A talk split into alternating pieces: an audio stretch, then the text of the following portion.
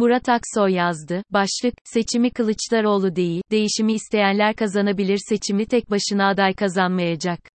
Seçimi kazanacak olan otoriter düzenin sona ermesi demokrasiye dönüş, özgürlüklerin yeniden kazanılması, parlamenter sisteme dönüş isteyenlerin siyasi iradeleri olacaktır altılı masa, geleceğin Türkiye'sini inşa etmek için yoğun bir mesai harcıyor. 28 Kasım Pazartesi günü 90 maddelik, güçlendirilmiş parlamenter sisteme geçiş için anayasa değişikliği önerilerini açıklayacaklar. Önümüzdeki haftalarda ise 2 Ekim 2022'deki toplantıda kararlaştırılan, İ.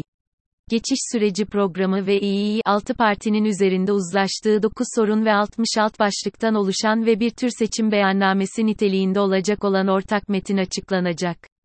Bu iki metinden ilki, muhalefetin adayının Cumhurbaşkanı olması durumunda mevcut anayasa koşullarında hangi yetkileri meclise devredeceğini, ikincisi İDA altılı masanın bir anlamda, seçim beyannamesi, olacak.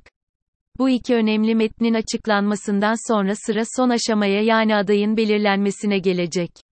Kılıçdaroğlu birkaç adım önde şu anda kamuoyunda CHP lideri Kemal Kılıçdaroğlu'nun adaylıkta şansının diğer olası adaylardan daha güçlü olduğu görülüyor. CHP, CHP'li olan iki belediye başkanının yani Ekrem İmamoğlu ve Mansur Yavaş'ın adaylığına, şimdilik karşı olduğunu açıkladı.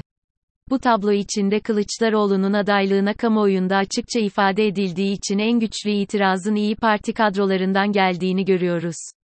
İsmail Tatlıoğlu ile başlayan açıklamalar, son olarak Yavuz Ağralioğlu tarafından tekrarlandı.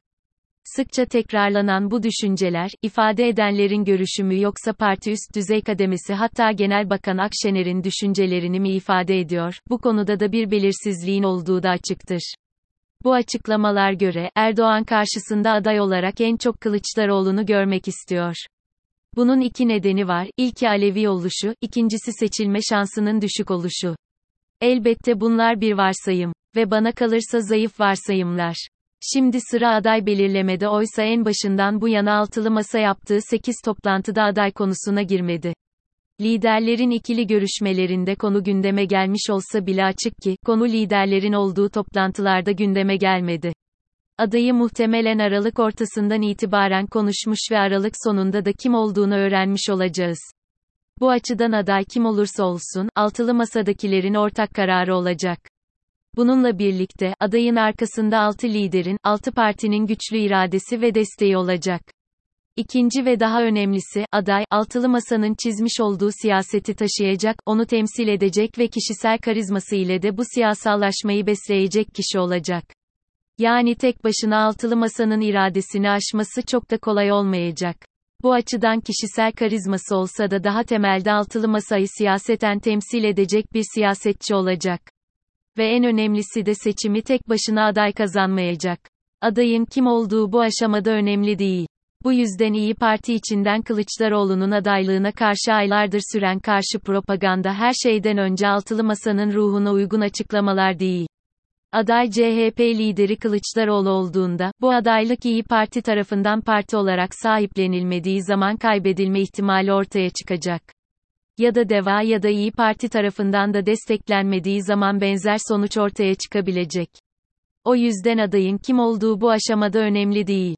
Bu yüzden İyi Parti içinden Kılıçdaroğlu'nun adaylığına karşı aylardır süren karşı propaganda her şeyden önce altılı masanın ruhuna uygun açıklamalar değil. Aynı şekilde CHP içinden gelen, Kılıçdaroğlu aday olmazsa masa dağılır, türünden açıklamalar da öyle. Seçimi aday değil değişimi isteyenler kazanacak unutulmaması gereken nokta şu, seçimi tek başına aday kazanmayacak. Aday kim olursa olsun, seçimin kazanılması, altılı masadaki tüm partilerin ortak iradesi ve sahada çalışması, bunun dışında Türkiye'nin içinde olduğu antidemokratik düzenin, otoriter yönetimin değişmesini isteyen sivil alandaki tüm sivil toplum aktörlerinin ve vatandaşlarının ortak değişim iradesinin kamusallaşmasıyla mümkün. Ve başarı hem Cumhurbaşkanlığı seçiminde hem de meclis çoğunluğunu sağlamakla gerçekleşecektir. Bu da değişimi isteyen tüm öznelerin iradelerini kamusal alanda göstermeleriyle mümkündür.